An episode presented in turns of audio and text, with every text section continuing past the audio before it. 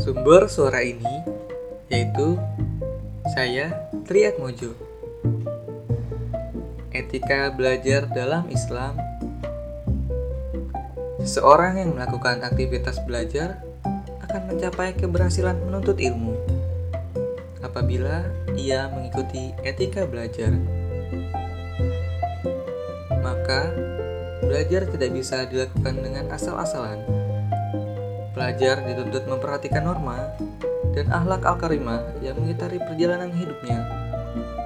Karena dengan jalan itu, pelajar mampu menggali dan memperdalam ilmu pengetahuan dengan baik yang hasilnya dapat dimanfaatkan dengan sempurna.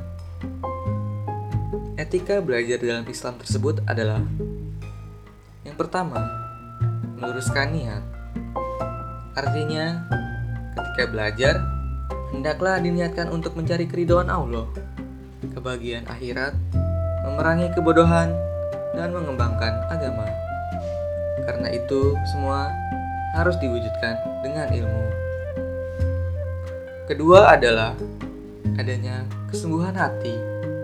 Artinya, ketika belajar harus dilakukan dengan sungguh-sungguh dan secara kontinu. Lalu yang ketiga adalah mengulang pelajaran yang sudah diterima. Keempat, mempunyai cita-cita yang tinggi. Kelima, menyantuni diri. Artinya, melihat kemampuan dirinya dalam belajar. Dan yang terakhir adalah hindari bermalas diri.